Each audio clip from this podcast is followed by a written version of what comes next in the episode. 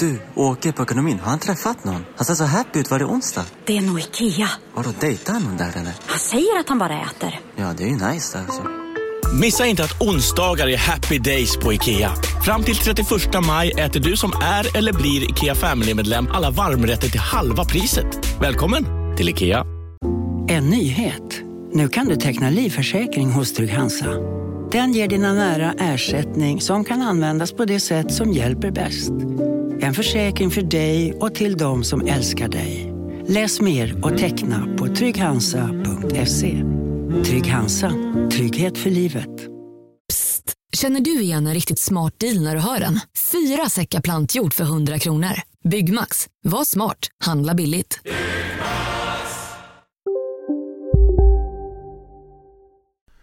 Vill du lyssna på fler poddar efter dagens avsnitt kan du alltid ta och lyssna på Skarpt Podcast som handlar om djupare och samhällskritiska frågor och även på Magic Monday ifall du vill höra något lite mer spirituellt. Vill du veta mer besök gärna deras Instagram skrpt.se och magicmonday.se. Nu börjar Spökpodden. Nej, vi gör ju inte det och nu har det varit ett par veckor där vi inte sitter tillsammans och det börjar kännas lite ensamt här får jag säga på mitt kontor. Ja, det är snart dags för att spela in ett eh, eget eh, avsnitt, bara du och jag tycker jag. Vi, vi har ju fått massa förslag från tittare så att vi har ju faktiskt eh, eh, jobbat på ett avsnitt här som vi ska spela in snart där, där du och jag sitter och språkar om ämnen som kommer från våra lyssnare kommer bli superspännande faktiskt att göra det. Och eh, lite grann om dagens avsnitt eh, så, så är, det ju, är det ju om astrologi, eller hur? Ja, och horoskop. Och det ja, det är superspännande. Ja, visst är det. Och det är perfekt att vi har en expert med oss idag, för man har ju lite frågor angående stjärntecken och själsfränder och vad, vad man kan se i stjärnor och sådär. Så jag tycker det ska bli superintressant att få ställa de här frågorna. Och det som är kul är också att jag fyller ju nyligen år och jag är ju inte alltid så förtjust i mitt stjärntecken. Jag tycker att det är lite jobbigt, men eh, det kanske går att ändra det också. Man vet inte. Det kanske går att ändra på sitt stjärntecken och eh, genom att ändra personlighet. Man vet. Eh, det får vi nästan fråga våran fantastiska gäst som vi kommer snart introducera ju. Eller hur? Eller så får ju du, du kanske får, får bli på nytt född kanske? Och så, och, så ja, får du, och så får du välja den månaden som du ska vara på nytt födas i. Då borde du få ett nytt stjärntecken. Ja, det är superspännande. För er som inte vet vad astrologi är så är det ju så att eh, det är en lära och metod om spådomskonst och går ut att förutsäga att människan eh, med hjälp av hur himlakropparna rör sig på himlavalvet så får man ju oftast kanske ett horoskop. Det ligger väl någonting i det där på, på just hur jorden rör sig och hur stjärnorna ligger under den dagen och den tiden du föds om jag har förstått det rätt. Men eh, det är ju som sagt upp till våran gäst att eh, förklara lite närmare. Det är det och jag tänker väl att vi presenterar Helena Magdalena, våran ärade gäst här idag. Välkommen! Tack så mycket, vad kul att få vara med här hos er idag. Ja visst är det. Och vi, eller vi, jag och Oskar, vi känner ju till dig i alla fall och det gör säkert många av våra lyssnare också. Och när jag träffade dig första gången så var ju det faktiskt på en kryssning med tidningen Nära, för du jobbar väl på tidningen Nära också, är det inte så? Det gör jag. Jag arbetar på tidningen Nära och har varit eh, hos dem i över åtta år. Och först så började jag som bloggare. Eh, men sen har jag gått över nu till att vara astrolog. Och så är jag också astrolog på tidningen Tara, så jag har faktiskt två tidningar att skriva för. Ja. Vad är tidningen Tara för något? Det är ett väldigt stort magasin för kvinnor 40 plus. Eh, och eh, har en bredare målgrupp medan tidningen Nära, vi har ju en mer andligt intresserad målgrupp då. Som är mer nischad. Nära är ju mer en, en eh, nischad tidning för oss som är intresserade av det spirituella och medium och astrologi och olika så här. Okej, okay, superspännande. Vad är det för dig, alltså innan vi kör igång med astrologi och så vidare, får du jättegärna berätta egentligen, vem är, vem är du? Och hur kom du in på allt det här? Eh, ja du, det började redan när jag var väldigt, väldigt liten. Eh, jag tror egentligen att det började av att jag hade en nära döden upplevelse när jag var bara några månader gammal.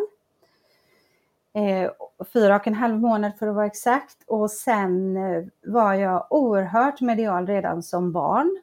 Eh, och såg ju andevärlden då hemma i huset där vi bodde. Och jag är egentligen kanske mer av en sierska, att jag får mycket varsel och mycket sanddrömmar och sådär. Och det, det, har alltid varit så.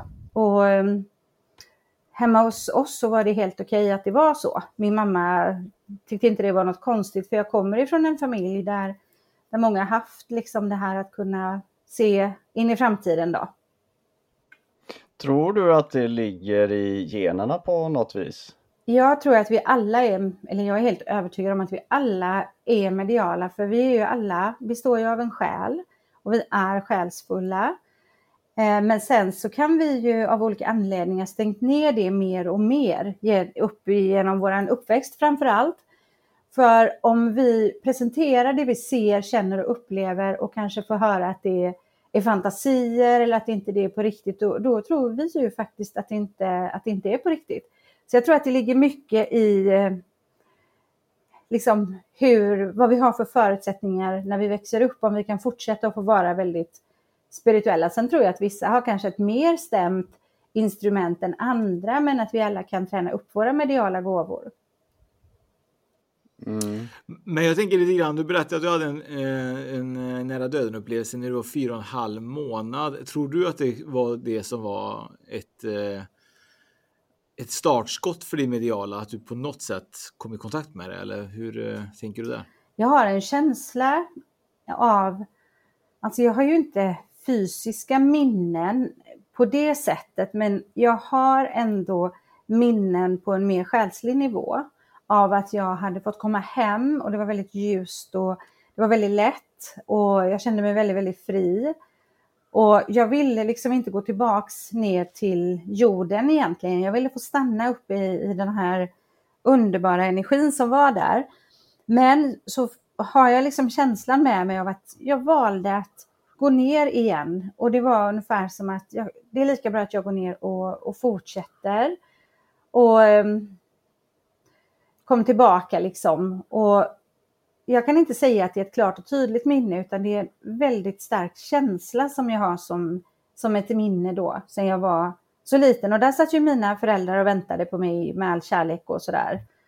Men jag har en känsla av att jag aktiverades, liksom öppnade upp kanalerna väldigt mycket redan då. Det känns så. För det är som att jag har alltid vetat att det finns någonting bortom. Det är som att jag alltid levt i de andra dimensionerna parallellt som den här jordiska fysiska dimensionen. För mig har det alltid varit en, en del av mitt liv på något sätt.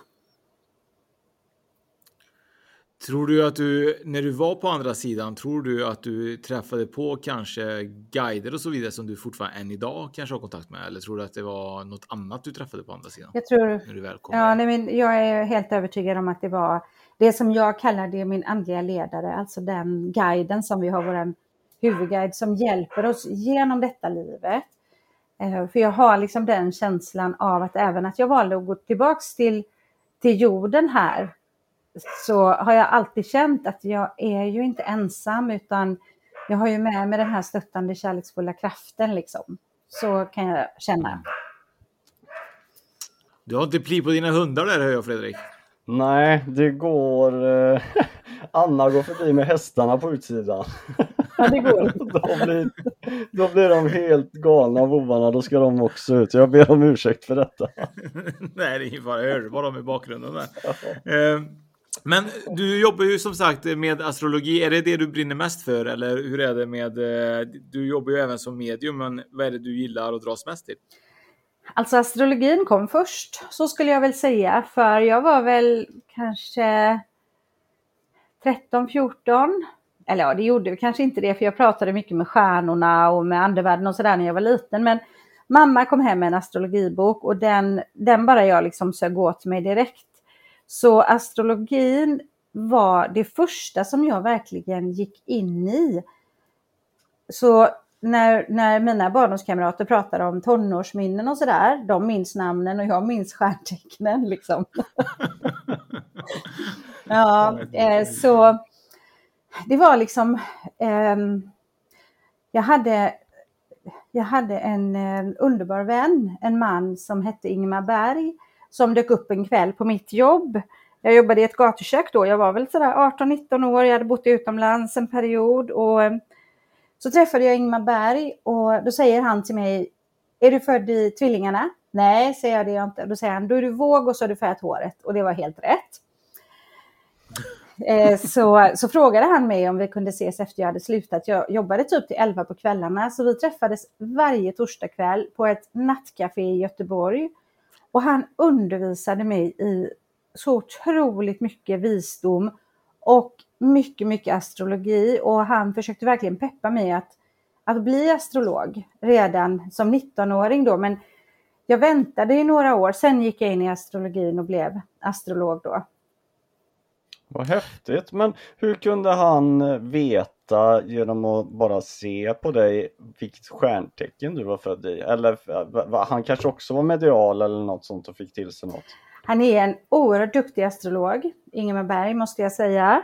Och eh, vi som arbetar med astrologi, vi har ju faktiskt en förmåga att känna av energin och ibland också se på utseendet vad människor är födda i. Men det är så här att vi säger att vi är födda i där vi har solen, där solen stod när vi föddes. Men så är det så här att det tecknet som stiger i öster när vi föds, det kallas för våran ascendent, vårat ascendenttecken. Och det är liksom det tecknets egenskaper och energier som vi använder oss av för att ta oss fram i livet. Så därför så är det så att ofta så kan vi astrologer fånga upp ascendenttecknet för det syns ännu tydligare än soltecknet. Jaha, vad spännande. Men du kan då ha då ett annat stjärntecken mm. i ditt stjärntecken då kan man säga. Och vad har du då om man alltså räknar med tanke på att han alla... sa Ja, men precis. Um, vi har alla, alla tio planeter i vårt personliga horoskop. Vi har alla det. Och vi har dem utspridda, vissa har dem utspridda i många tecken och vissa har dem utspridda i ett fåtal tecken. Så det gör ju att det som vi är födda i då, våran sol, det är ju bara en liten del utav det. Mm. Mm. Men hur kunde han se att du hade färgat håret då? Jag förstår inte och jag är född alltså... i vågen. Då, vågen är den här ja. intellektuella, eh, mentalt tecken, ledartecken. Jag har jobbat som chef i nästan eh, ja, halva mitt yrkesliv i alla fall. Sen har jag min ascendent då, det som jag tar mig fram med i livet, har jag i lejonet. Och lejonet är ett väldigt kreativt tecken. Så många ser ju mig lite som ett lejon, liksom står på scen, står i rampljuset, superkreativ och så här. Så det är ofta det folk frågar och tror. Du är väl född i lejonet? Nej, men jag har ascendenten i lejonet. Så kan det vara. Mm, för det är roligt att du säger det, för min sambo är ju våg och hon är ju superintellektuell och jobbar som chef, så det är väldigt eh, ja. slående. Hon är väldigt mycket våg. ja, verkligen i så fall. Det var ju superkul att höra att, att det var verkligen stämde in även på henne. Ja, men precis. Det, det där är klockrent för vågen. Men vad är Fredrik då? Vad är du för horoskop Fredrik? Skulle du se om, eh, om vad hon, eh, Helena Magdalena, skulle kunna säga om dig nu då? Om du säger vad du är för stjärntecken då? Jag är också våg. Du är det? Ja. Vad intressant, hörru du. Ja, så det är 21 oktober är jag född. Jag vet inte om det är tidigt eller sent i vågen, men om det spelar någon roll ens en gång. Men... Ja, det är ju sent i vågen, men det är vågen. För när vi har träffats, vi har i och för sig alltid träffats i sammanhang när det är full fart och jättemycket människor och, och väldigt offentligt, för det är ju på båtarna. Mm. Eh, och jag upplever dig ändå som ganska introvert person. Alltså du är inte den som går fram och tar plats, vilket vågen ofta gör. Vågen pratar väldigt mycket, oftast. Eh, så du mm. har nog kanske ett ascendenttecken som gör dig lite mer, ger dig lite större distans på något sätt. Absolut, ja men så är det ju. Jag är inte den som eh, tar största platsen i ett rum när jag kommer in utan jag vill nog gärna känna av lite först så att det, det har du uppfattat helt riktigt. Just det, då har du ju andra tecken som egentligen präglar din våg för vågen är en ledare som ofta gärna går in och tar kommandot men Jag upplever inte att du gör det. Så då har du någonting annat som ligger där också. Ja. ja, vi måste ju få komma ner och hälsa på. För det, det är väl så att du har, driver ett ställe som heter Lighthouse i Göteborg? Ja, precis. Mm. Och då tänker jag nu då eftersom vi pratar om det här så måste jag och Oskar få komma ner till dig så kanske vi kunde göra något kul med att ta reda på våra tecken och ascendenter och vad det nu heter ihop med dig. Det hade ju varit fantastiskt spännande att få göra det. Ja, men det är absolut, ni är så välkomna, vad kul, jättekul. Men Helena Magdalena, eh, hur, förlåt jag avbryter, men jag tänker lite grann när du pratar lite grann om, där om, eh, om Fredrik och hans eh, stjärntecken och så vidare. Eh, kan det vara så också typ så här, att man har liksom ett stjärntecken som oavsett, alltså som absolut inte passar in någonstans, som man eh, tänker så här, nej men det där kan inte vara liksom eh, en våg överhuvudtaget som grund, grundpelare om man säger så. Liksom. Alltså när man tittar på en människas personliga horoskop Alltså då gör man en avbild på exakt hur det såg ut på himlen när den personen kom hit till jorden. Och då tittar man ju precis för att se vilka planeter som har gett mer eller mindre energi då i det personliga horoskopet. Och det personliga horoskopet var ett födelsehoroskop. Man skulle kunna se det lite grann som en karta i livet. Där har vi våra allra finaste egenskaper och talanger. Eh, man kan se våra läxor. Man kan se inom vilka områden som vi med all sannolikhet kommer att ha en passion eller intresse. Man kan se vilka livsläxor man har att lära sig lite på vägen och sådär. Så när man är en astrolog och tittar på sån här horoskopskarta, vi får ju så otroligt mycket information. Och alla stjärntecken och alla planeter och alla placeringar är ju helt fantastiska i sig. Men jag hörde dig Oskar där när ni påade här att du pratade lite om ditt eget stjärntecken och frågade kan man få byta stjärntecken? Ja. Eh, och vad skulle du vilja vara för stjärntecken då? Jag skulle vilja vara betydligt mycket mer typ så här, eh, lugn och ro. Alltså typ så här att man är typ nöjd med det man har. Att man inte är liksom så sökande som man är. Är du tvilling eller? Uh, ja, det är ja. ja, ja, men precis. Eh, och då kan man liksom titta på det här att eh, du sa ju också att du nyligen fyllde år och då är det två tecken som är tvilling eller kräfta och då hörde man direkt att det var tvilling.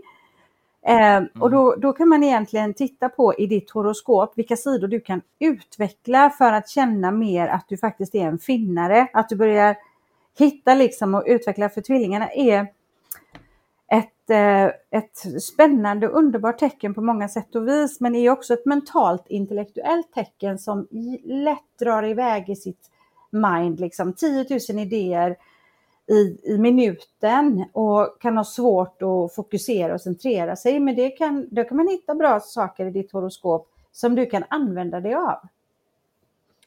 Det känns inte som att det finns något bra att använda mig av i mitt horoskop. Jag tycker det är som du säger, man får ju väldigt mycket tankar och idéer och man vill göra och dra igång massa saker.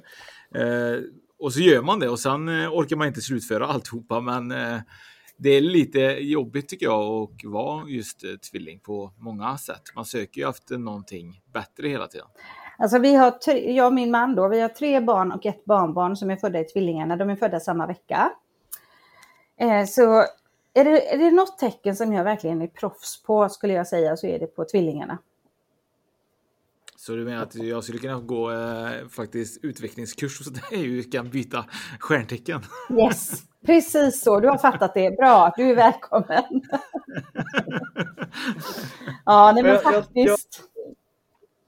Mm. Jag har en fråga här då. Nej, just i och med att det finns ju sådana här, vad heter det, ascendenter och sånt eh, komplement till det tecknet som man är född i. Mm. När man då läser ett horoskop som ja, du har skrivit då i tidningen Ära eller i tidningen Tara.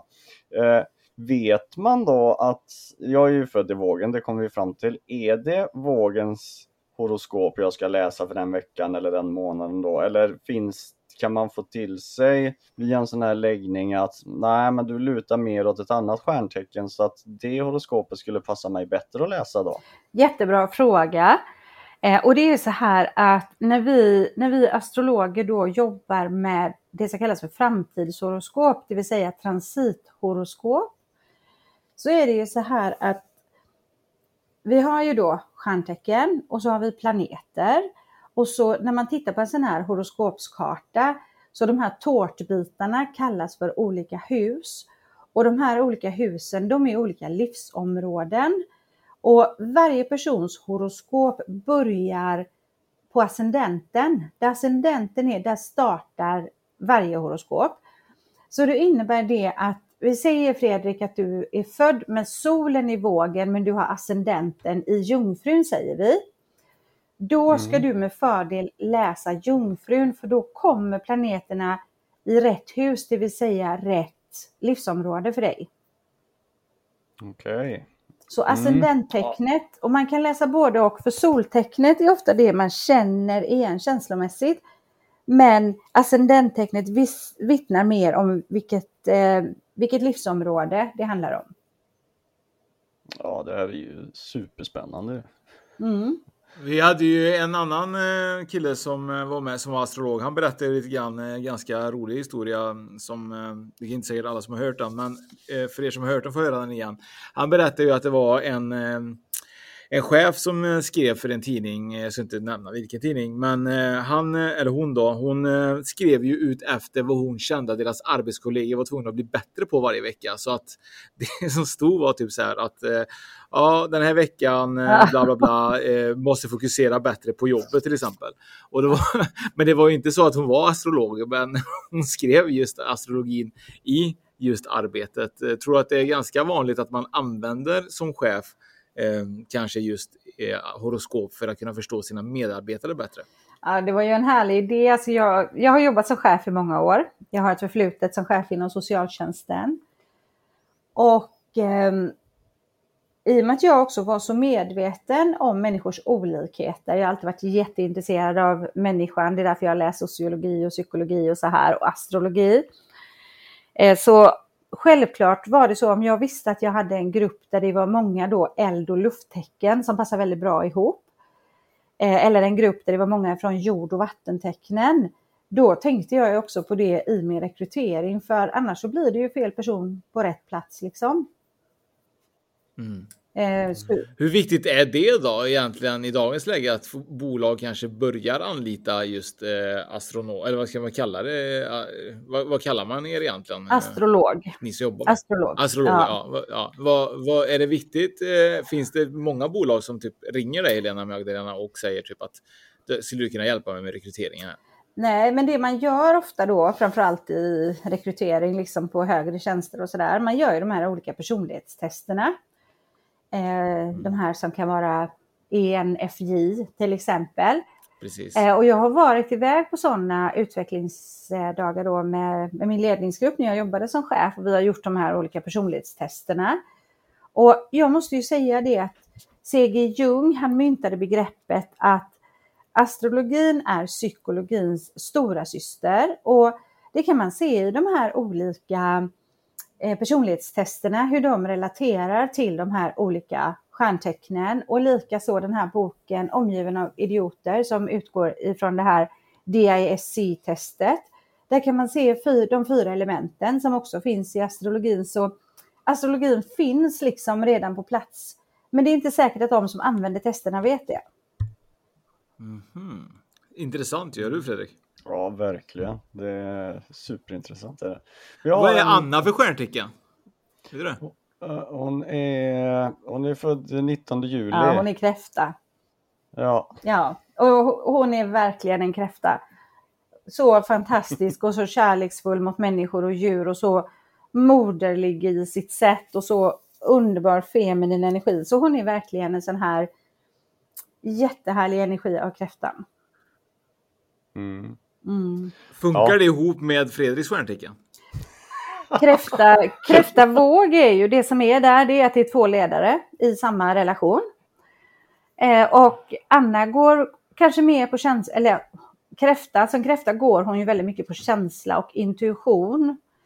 Eh, känns det bra så är det bra. Och Fredrik, du då som är född i vågen, du kan ju mer ha en tendens att ta det den intellektuella vägen. Så det kan man ju se att ni har utvecklats fint tillsammans där. Och sen, jag har en känsla Fredrik av att du har tecken i ditt horoskop som harmonierar med Annas och att Anna har tecken i sitt horoskop som harmonierar med dig. Det tror jag på också. Du, har ju helt, du är ju spot on i din eh, analys här utav det här lilla, Ja, den här lilla informationen du har fått. För det, jo, jag är ju mer, eh, jag ska inte säga att jag är mer logisk, men mer intellektuell. Jag och Anna är ju nästan helt styrd av, inte helt styrd, men hon går väldigt mycket på sin känsla och sin intuition. Verkligen. Mm. Ja.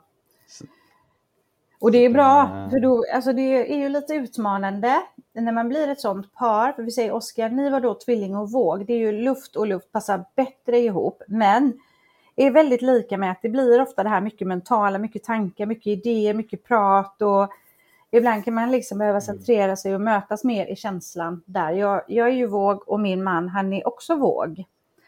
Eh, Så vi har ju också det här super mycket tankar och idéer och, och kan bli väldigt intellektuellt utmattade emellanåt. Liksom. Så, ja, så en lagom balans behöver man ju i alla relationer såklart. Ja, det är viktigt med balans. Du hade ju någon fråga där Fredrik innan jag avbröt dig. Du får ursäkta. Vad tänkte du fråga? Eh, Jo, det var ju det. eh, bara något som slog mig nu.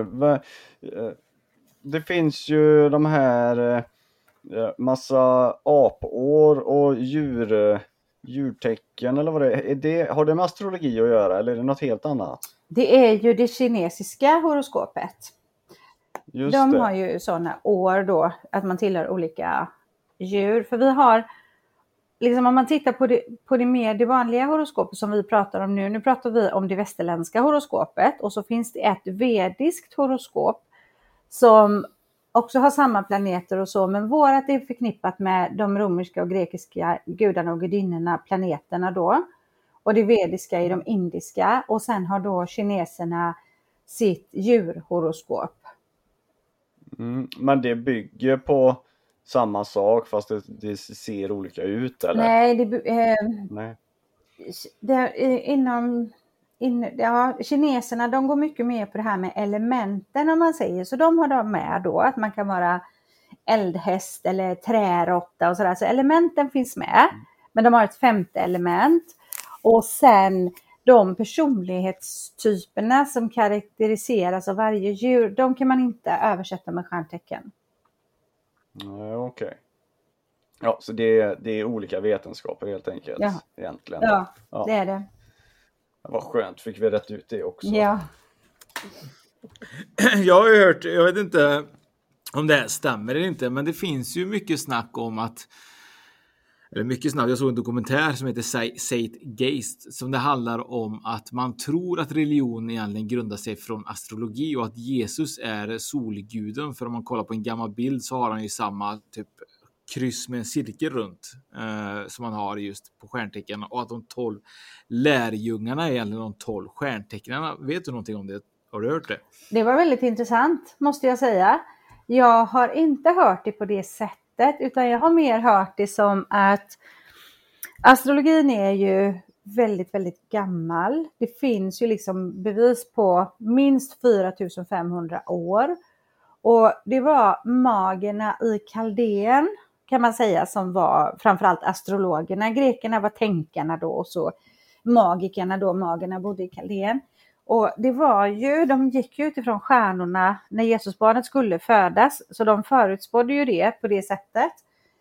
Eh, Mm. Och då har jag lite hört att i den tidigare då sumeriska skapelseberättelsen att man egentligen inom kristendomen har lite satt ihop lite olika till Bibeln utifrån det som finns sen innan. Och om det är lite det som kan ha visats då i det som du har tittat på kanske. Ja, för att snacka lite grann om att det är det som är så intressant, för det finns så mycket tecken på att man skulle ha kunnat egentligen pratat just om astrologi och hela den biten på grund av att när Jesus då återuppstod efter tre dagar, om man kollar då vilket datum det är, så är det oftast då när solen går ner som längst och går upp efter tre dagar. Så att man har liksom Jesus som är grunden till eh, som solen då, solens gud som liksom eh, bråkar med det mörka då som skulle vara då djävulen då så att eh, det, det ljuset det mörka och så vidare. Så det var väldigt intressant, eh, väldigt intressant teori just om att, eh, att religionen skulle grunda sig från början i just astrologi. Ja, vad spännande. Du får gärna länka det till mig sen så ska jag titta upp det lite mer för jag har inte hört talas om det.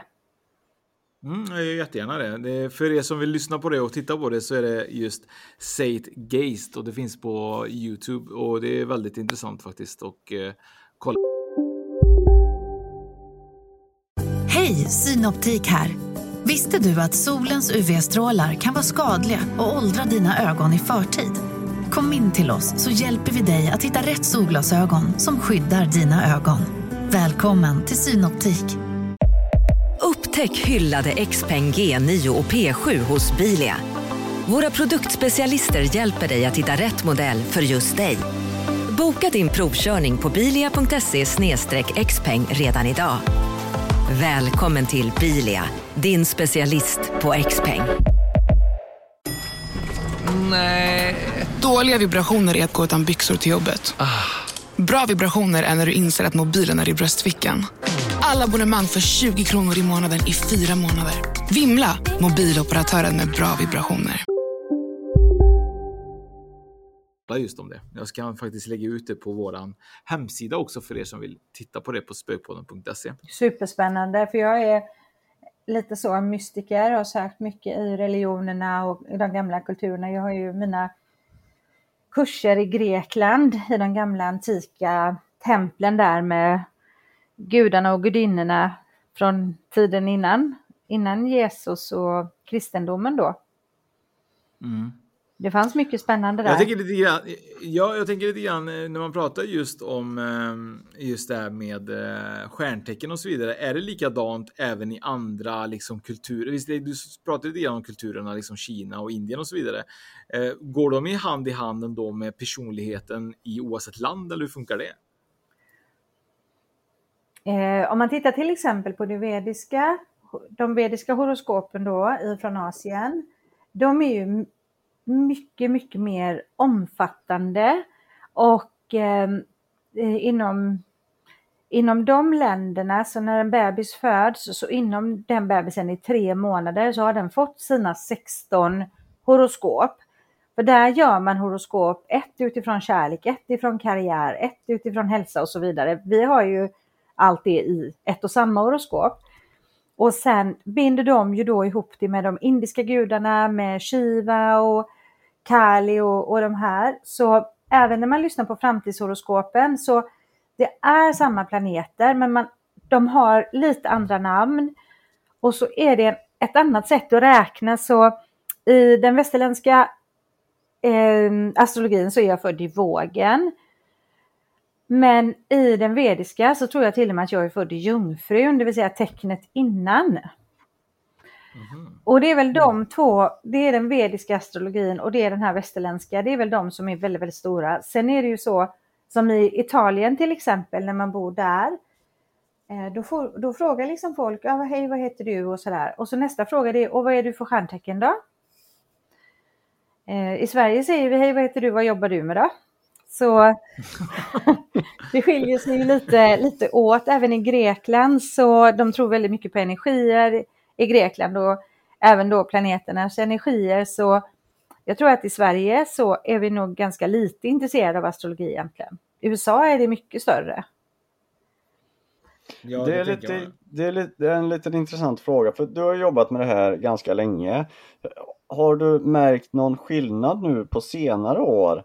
Eh, ja, tre, fyra, fem år tillbaka. För min upplevelse, dels med med min kära hustru Anna och även nu när jag varit med i Spökpoddens resa är att man är mer öppna idag. Är det, är det, har du också den uppfattningen eller är det fortfarande stängt som det var för 20-30 år sedan? Ja, jag skulle egentligen säga så här att i slutet av 80-talet och början av 90-talet då trendade astrologin och var, den var ganska stor då. Eh, och jag vet mitt första astrologiprogram hade jag på en sån här disk liksom, som man satte in i en dator på senåldern där. Eh, och då var det, då var det liksom mycket mer mycket större. Det kom mer astrologiböcker och, och så här. Och sen så har det gått ner lite grann och nu de sista fyra, fem åren så absolut, nu trendar det lite mer igen och det känns som att astrologin har haft lite den energin att det går lite uppåt och så går det lite neråt. Men astrologin är ändå så Alltså den är ändå så etablerad. De flesta tidningarna har ett horoskop liksom och de flesta tidningarna som finns på nätet har också ett horoskop. Alltså det är på något sätt som att det är någonting som hör till de här veckohoroskopen. Eh, sen hade jag önskat om jag själv får ta upp ett ämne här. Självklart. Eh, för jag, jag, jag är väldigt, väldigt intresserad av världshoroskopet och titta över liksom världsläget, ekonomi, politik, krig, sådana här olika saker. Jag försöker följa det så mycket som jag hinner och kan. Så på hösten 2019 så vi som är astrologer då, vi förstod ju det att världen skulle komma att förändras i början av 2020. Och jag bloggade om det här där på hösten och så sa jag till min man att vi sticker i början av januari, vi åker utomlands för sen, det kommer att hända någonting. Det kan bli som ett tredje världskrig eller någonting, men gränserna kommer att stängas, de kommer förmodligen förflyttas och det kommer att bli väldigt tufft. Så vi, vi reste iväg till, till ehm, USA och till Karibien och vi kom hem i slutet av januari. Och sen eh, den 11 mars då så blev ju detta en manifestation ute i hela världen. Och det här är många astrologer som förutspådde att detta skulle hända. Och i USA och Kanada till exempel där, där har de ju med astrologerna som uttalar sig i olika tidningar och de är liksom med på ett helt annat sätt på banan. Och jag har gjort ett flertal förutsägelser om pandemin, när den ska klinga av, när den ökar, så här de senaste åren på min, på min blogg. Och visst, jag är en, en eh, sierska och kan ju till viss del se in i framtiden, men absolut inte på det sättet och inte på dagen. Utan vi har ju så otroligt mycket värdefull information i planeterna. Det är sjukt ja. intressant det där alltså. Mm, det är verkligen. det. Det är det. Och jag skrev då, det var i våras här nu, så ligger det ett blogginlägg på min blogg och så, så skriver jag någonting så här, nu kan vi blicka framåt för nu blickar, eller nu vänder Pluto bakåt. Så skrev jag det att nu kan vi förvänta oss en kraftig nedgång på pandemin inom några veckor och så två veckor senare så stod det i tidningen att Tegnell och de här då hade förut sagt det, att nu var vi där. Så jag har hela tiden legat flera steg före. Och vi har gått helt och hållet på hur planeterna står på himlen. Helt sjukt ju. Mm. Ja, det, är, det är fantastiskt hur allting hänger ihop egentligen. Ja, och jag, jag tänker också historiskt där att varje hov till exempel hade ju sin egen astrolog nere i Europa, alltid. För man gick efter man gick liksom efter de här olika beräkningarna som astronomerna då räknar ut och astrologerna tolkar om man säger. Mm. Men, Men eh, du kanske borde jobba för hovet i Sverige egentligen då? Så kanske vi... I alla fall för den nya regeringen som avgick precis nu då. Ja, precis. Det är också en sån här jätteintressant grej som man också... Jag skrev det på Facebook häromdagen, för det här har jag också beskrivit då att Saturnus och Uranus kommer att utmana varandra tre gånger under detta året riktigt, riktigt rejält. Men egentligen påverkas det hela 2021. Så 2021 det är ett I want to break free och det är stora förändringar, det gamla faller. Men inte ens jag kunde ju tro att regeringen skulle falla alltså. Men det gjorde det. Mm. Helt sjukt det där. Alltså. Ja, det är helt sjukt. Men mm. apropå att man eh, eh att stjärnorna och astro astrologin är ändå så pass Eh, eh, rätt ute. Skulle man kunna bena, bena ner det här ännu mer? För en fråga som, som vi har hittat och fått är att kan man använda astrologin för att typ spela på hästar eller något annat sånt? Nu är det kanske mils skillnad på det här, men förstår du vad jag menar? Ja, absolut. Och det man tittar på som astrolog, vi säger jag ställer ju personliga horoskop, då tittar man ju, så vi säger när ni kommer ner till mig, då kan jag berätta om er vilka ni är. Eh, och vissa säger det att jag mm. känner ju dem bättre än vad de själva gör, så det är ganska intressant. Eh, och sen så kan jag tittar alltid på möjligheter. Vad har man för möjligheter? Vad har vågen för möjligheter? Vad har tvillingarna för möjligheter? Och då kan man då kan man egentligen gå in i sitt horoskop och titta på när man har de här topparna i, i mer flow och mer ekonomiska möjligheter och sådär. Så absolut, men det brukar oftast inte komma genom att man spelar på hästar utan det kan vara en löneförhöjning eller att man blir headhuntad eller liksom så här på något sätt då. Ja, spännande. Vi måste boka in den här träffen Oskar snart så vi kan komma ner och hälsa på Helena Magdalena. Så vi kan vinna på Lotto menar du? Ja, precis. Ja, ja det med. Och, men det finns ju det är ju så mycket man vill ha reda på. Jag känner man har ju tusen frågor här som kanske inte är ämnade för den här podden just, men för ett privatare samtal tänker jag. Men Helena, det finns ju 12 stjärntecken, eller det fanns. Nu är det väl 13. Varför har man ändrat? Jag ser det inte så, utan jag ser det som så här att om vi tittar på universum, universum förändrar sig hela tiden, alltså expanderar Vintergatan och, och så här och så mycket som man nu kan faktiskt som the science då vetenskapen har tagit fram om universum så det är klart att det är en jättestor förändring.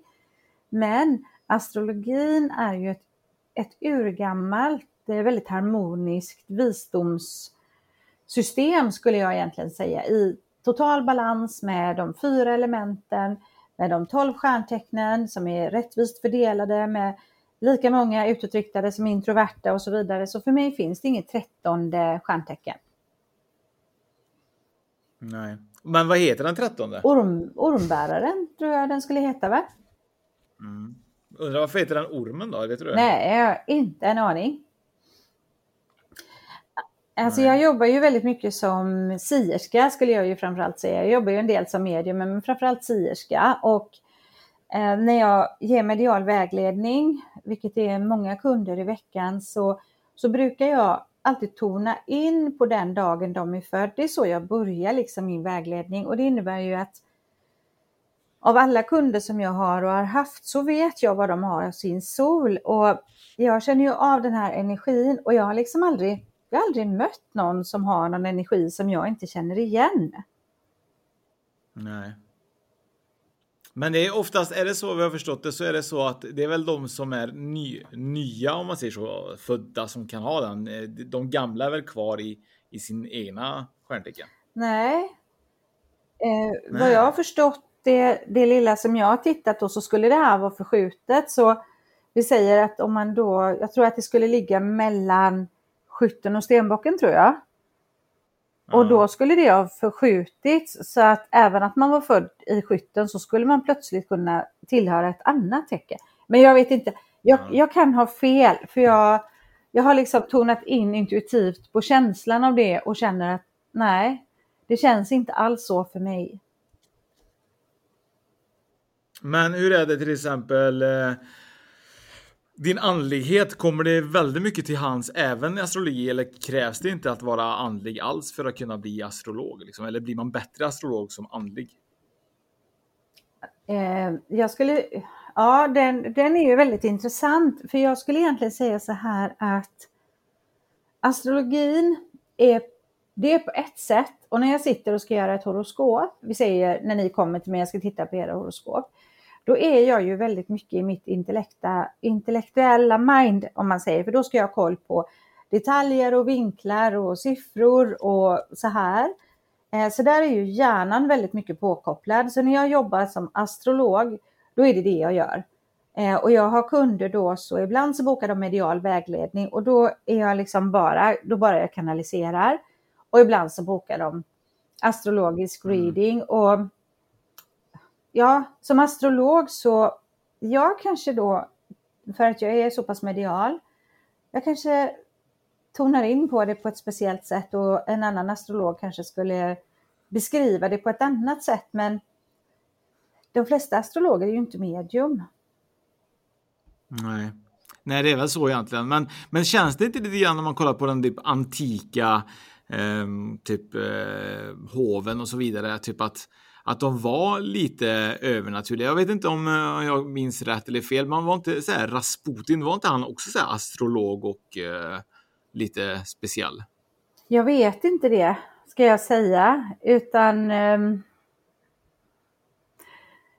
För det känns ju lite grann på förr i tiden så, jag vet inte, jag kan ha fel, men det känns lite grann som att ändå de som höll, eh, hade hovet och så vidare som, och det kom astrologer, de var ju även också lite andliga, men jag kanske har helt fel. Jag tror att du har helt rätt.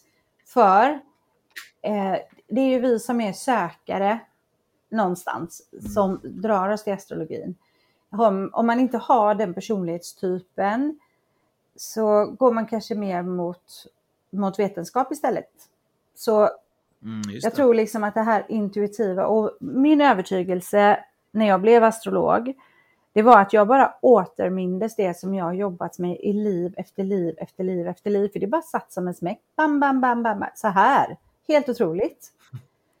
Verkligen. Eh, Men jag tror att du jobbat som astrolog i tidigare liv också? ja, då? många liv. ja, det är ja, så. det tror jag. Jag har en känsla av det. Och eh, liksom när man ska lära sig astrologi, det är en hel del att läsa in sig på. Men det var som att jag kände känslan och kunde ta in det liksom på ett känslomässigt plan. Jag kände känslan av hur jungfrun är, jag kände känslan av planeterna. Och det, det har jag alltid gjort. Och det var liksom mer som att jag hittade verkligen mina verktyg. Det var inget svårt, det var lätt. Mm. Jag tänker lite grann så, Fredrik, eh, om du skulle få fråga Helena Magdalena eh, vad, vad, alltså, kan, om vad, vad hon tror om hon kan förutspå liksom spökpoddens framtid. Skulle man kunna göra det även det via astrologi?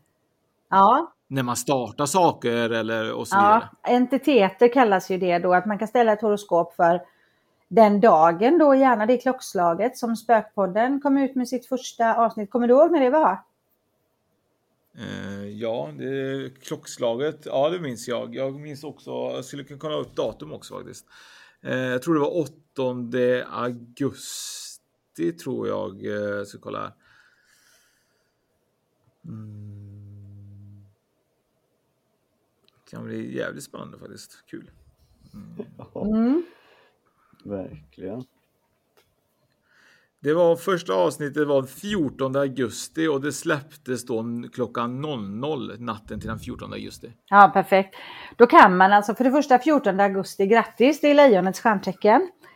Eh, och lejonet är ju, älskar ju att synas och finnas med och håller sig framme och är väldigt, väldigt kreativ energi. Så det är en bra födelse av en podd den där natten och sen så kan man ju då också ta fram ascendenttecknen och därmed också använda vi säger att du skulle komma till mig om två år, eller ni kommer till mig och bara, ah, nej men vi vet inte riktigt, vi står i en utvecklingsfas, vi vet inte riktigt vad vi ska göra. Då kan man gå in och titta i horoskopet, ja ah, men just det, ni går igenom det här nu, de här förändringarna i era möjligheter just nu. Liksom. Så kan man kolla, absolut.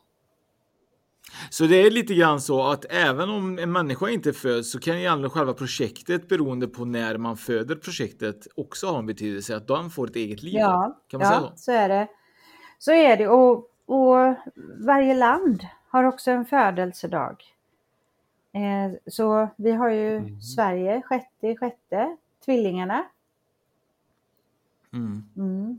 Sverige är tvilling där ja. Det, är ett sö- det, var- det var ganska sökande, var det inte så trevande? Intellektuellt. Eller hur? Superintellektuellt med massa, massa idéer. Ja, nej men, Men vi, hade en, vi, har, vi har haft den här frågan tidigare, jag minns inte svaret och jag vet inte om Fredrik har hört det, men den tyckte jag var väldigt intressant. Det var verkligen så här att om man föds egentligen i Sverige klockan 18.00 den 6 juni leker med tanken och den 6 juni i USA och det är tidsskillnad. Hur funkar det? ja, men när vi räknar ut ett horoskop, vi räknar ut det exakt utifrån platsen där du föds. Okej, så det har inte, det spelar ingen roll egentligen. Det är från platsen man är då. Det har ju inte. Ja. Okej. Eh, för om, om ni tänker er så här att när man gör ett horoskop då är jorden liksom mitten i ett horoskop. Och då är det som att man står där i mitten och så tittar man precis var alla planeter befinner sig. Och då är det ju lite skillnad om man är i Florida till exempel. De är ju sex timmar efter oss då. Så då måste man liksom hela tiden veta exakta klockslaget och platsen för att göra ett korrekt horoskop. Superspännande, superspännande. Du har ju lite projekt på gång också hörde jag och Fredrik förut i- innan vi körde igång. Vad är det för projekt du har igång? Ja, vi har jag och Benny Rosenqvist då, vår härliga kollega på tidningen Nära, eh, vi ska starta en podd på fredag 2 juli, så vi får, vi får en kräftan-podd vi. Det, det, passar bra för Benny är ju född i kräftan och den kommer att heta inre och yttre resor. För dels så är det våra inre resor då vi arbetar ju som medium och författare och så här båda två. Och sen så reser vi också mycket runt i världen. Benny framförallt, han har ju rest otroligt mycket under hela sitt liv. Och eh, vi har både då kurser och så här utomlands. Så mm, vi kommer att prata om både inre resor och yttre resor och så emellanåt så kommer vi också ha gäster i våran, i våran podd. Vad spännande. Ja, verkligen. Den får vi följa. Ja, ja. ja men superkul. Ja, det får vi se till. Ja, verkligen. Och det kommer att vara kul. För då pratar ni också väldigt mycket som sagt alltså om just eran andliga resa och lite mer om, ja, vi kanske pratar lite om astrologi och så också då? Ja, vi har varit inne lite på astrologi. Eh, vi har spelat in de första åtta avsnitten då. Eh, och ehm, ja, astrologin är alltid med mig på något sätt. Det blir ju lite mm. så. Eh, men ja, vi pratar mycket om intuition, medialitet och egna erfarenheter. Det här är att arbeta som medium, intuition, om det är skillnad mellan kvinnlig och manlig intuition. Alltså mycket, mycket så. Vi hoppas att vi ska kunna ge klarhet och också väcka nya frågor hos våra, hos våra lyssnare, precis så som ni gör i Spökpodden liksom. Mm. Ja, superintressant ska det bli. Det, det får vi följa Oskar och kolla. Ja, absolut. Jag har en sista fråga innan vi drar igång med vårt samarbete Fredrik. Men jag har en mm. fråga. Är, har du som stött på mycket på det här med astrologi och så vidare. Finns det något stjärntecken som ni springer på oftare är mer andligt än något annat stjärntecken? Eller mest andligt om man säger så. Men säger ju så här att vattentecknen, för elementet vatten styr våra känslor. Så det innebär att kräfta, skorpion och fisk de, är ju, de lever ju väldigt mycket i känslan och går väldigt mycket på sin intuition och så här. Eh, så mm, de, fiskarna till exempel är det mest spirituella tecknet som då styrs av planeten Neptunus. Och det sägs att fiskarna då som är det sista stjärntecknet i zodiaken, det sägs att fiskarna måste ha levt alla andra stjärntecken minst en gång för att få födas i fiskarna. Så de kan man jämföra med de äldre och de visa, ni vet ödmjukheten och, och så här. Så vattentecknen skulle jag, skulle jag framförallt säga eh, att möter man vattentecken så är de ofta mer intuitiva på ett medvetet sätt. Mm. Mm. Så fiskar till exempel och så vidare.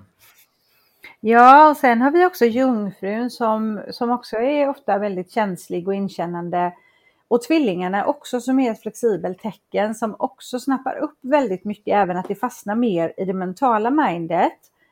Eh, och sen har vi skytten som är väldigt nära djuren och liksom har mer den sidan. Så det är väl kanske ledartecknen som eh, några av dem i alla fall som vågen då som vi är Fredrik.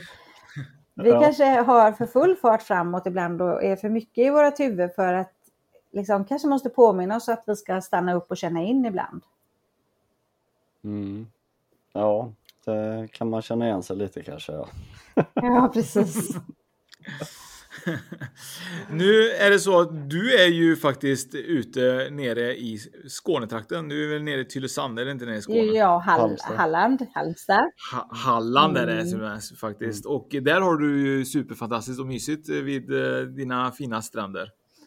Precis, jag är på spa med min goda vän Lotta och vi ska till Skåne imorgon. Vi ska fortsätta ner till Ale Stenar som ju är en sån här gammal astrosättning eh, ja, från lång, lång tid tillbaka. Så vi ska, vi ska vidare imorgon, men ikväll ska vi stanna här och sola och bada och spaa och ha det gott. Ja, härligt. Och det roliga är att jag hör ju själv hur dålig jag är på geografi, men nu är det så faktiskt Fredrik att vi har ju ett samarbete som gör att jag och du ska ut och resa lite grann framöver och då ska vi upp mot Karlstad. Och det är ju ett samarbete med Happy Camp ju. Det stämmer bra det. Och Happy Camp är ju ett superspännande eh, och innovativt bolag som har skapats av att man då får eh, egentligen en hemlig destination kan man säga. Man får koordinater. Eh, och då är det så att man får det efter man har beställt, gissar jag, sin, sin, sitt besök med Happy Camp. Och det är så att Happy Camp är det viktigaste för dem är att man ska bo ute i naturen. Så det är alltså, det är ingen riktigt vanlig camping. Det är typ någonstans avskilt där man inte vet exakt vart.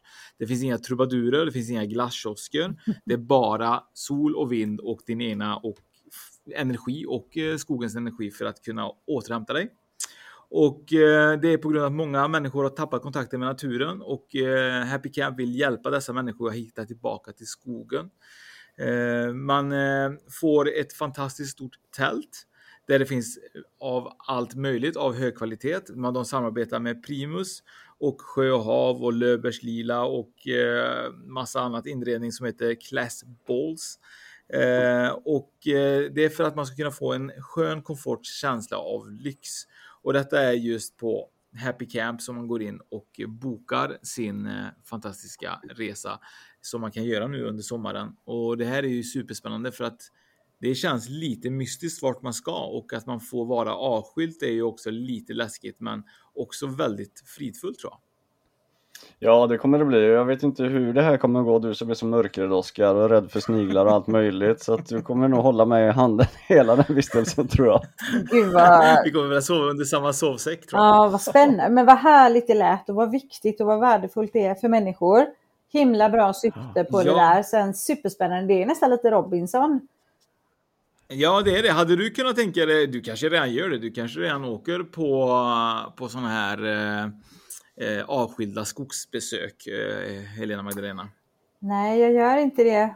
Eh, och det lilla som jag gör det, då är det i Grekland där när jag är uppe i bergen av det gamla antika Grekland. Men jag är dålig på det i Sverige ska jag säga. Ja, det, hade det här varit någonting kanske för dig i framtiden och eh, åka på en sån avskild eh, happy camp-resa? Alltså du? min man hade ju blivit superglad för han älskar att vara ute och fiska. Så han hade ju säkert släpat med mig där och så hade han hittat en sjö så hade han varit supernöjd och jag hade nog längtat hem lite tror jag, i alla fall till en början. Men det är väl så också att det är väl då man verkligen behöver det, när man blir rastlös. Det är då man behöver stanna upp och vara mm. i det. Jag tror också det. Och jag tror vad jag har förstått så är det faktiskt ganska nära vatten. Jag tror faktiskt att de här eh, tälten ligger precis vid vattnet. I alla fall det jag har sett på bilder. Så att eh, det kanske är en bra ställe att fiska på. Jag har ingen aning, men eh, får vi ta reda på tycker jag Fredrik. Det får vi göra, definitivt. Jätte, jättebra. Jag var scout länge och väl och har varit som Anna, växt upp på hästryggen och varit jättemycket i skogen. Och hur välgörande det är. Så vad kul för er. Ni, det, ska ni filma och så där uppe då eller? Absolut, vi ska filma och eh, dokumentera lite vlogg tror jag, så att eh, det kommer mm. finnas på våra sociala medier framöver. Ja, vad kul. Jag ska följa er. Ja, det tycker jag. Vi ska följa även eh, dig. Om man vill träffa dig och vad man, om man till exempel vill kontakta dig och så vidare, var gör man det? Det är via min hemsida då som är www.helena-magdalena.se så kan man fylla i kontaktformuläret där och man hittar också mitt telefonnummer, då kan man skicka sms och eh, om man vill boka typ astroreading eller medial vägledning. Jag har ofta lång kö så man får ha lite, lite tålamod. Mm, men det är det värt. Ja, det är det nog. Och eh, finns du på sociala medier och så vidare för podden tänker jag. Ni kanske har öppnat någon, kommer öppna någon Instagram för det eller finns det redan?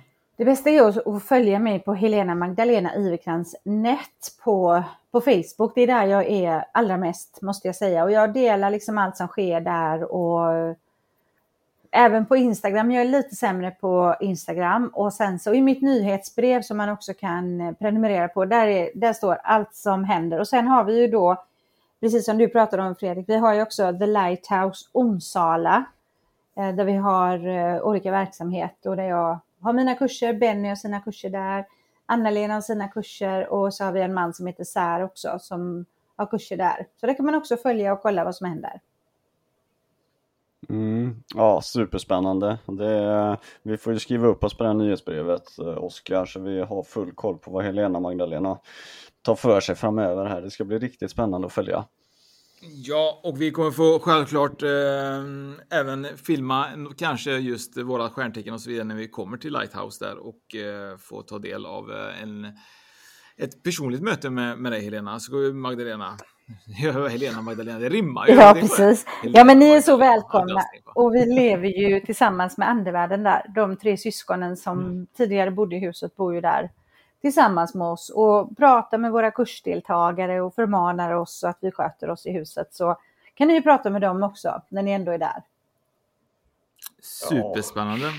Då tycker jag så att eh, för våra lyssnare in och lyssna på deras nya poddavsnitt som släpps just imorgon fredag. Eh, och, eh, in, och det heter som sagt eh, inre och yttre resor, heter den så? Absolut. Eh, och eh, in och kolla på vår hemsida också angående det med Zeitgeist, eh, angående det med astrologi och religion. Och så får vi tacka allihopa Fredrik och tacka så hemskt mycket till Helena Magdalena. Det gör vi. Tusen tack för att du ville vara med oss här idag Helena Magdalena. Tusen tack till er. Jättekul att, att träffa er så här online och ha nu underbara veckor i solen. Tack så hemskt mycket. Tack. Ha det gott nu allihopa. Ha det bra. Ha det bra. Hej då.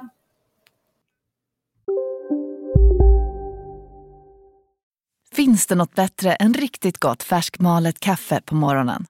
Det skulle väl vara en McToast med rökt skinka och smältost. Och nu får du båda för bara 30 kronor. Välkommen till McDonalds.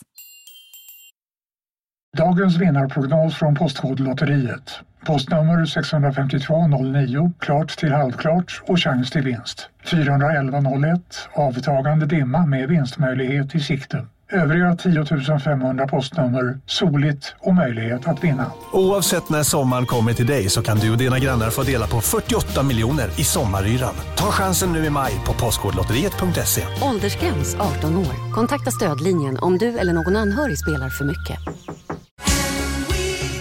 Just nu till alla hemmafixare som gillar Julas låga priser. Ett borr och bitset i 70 delar för snurriga 249 kronor. Inget kan stoppa dig nu.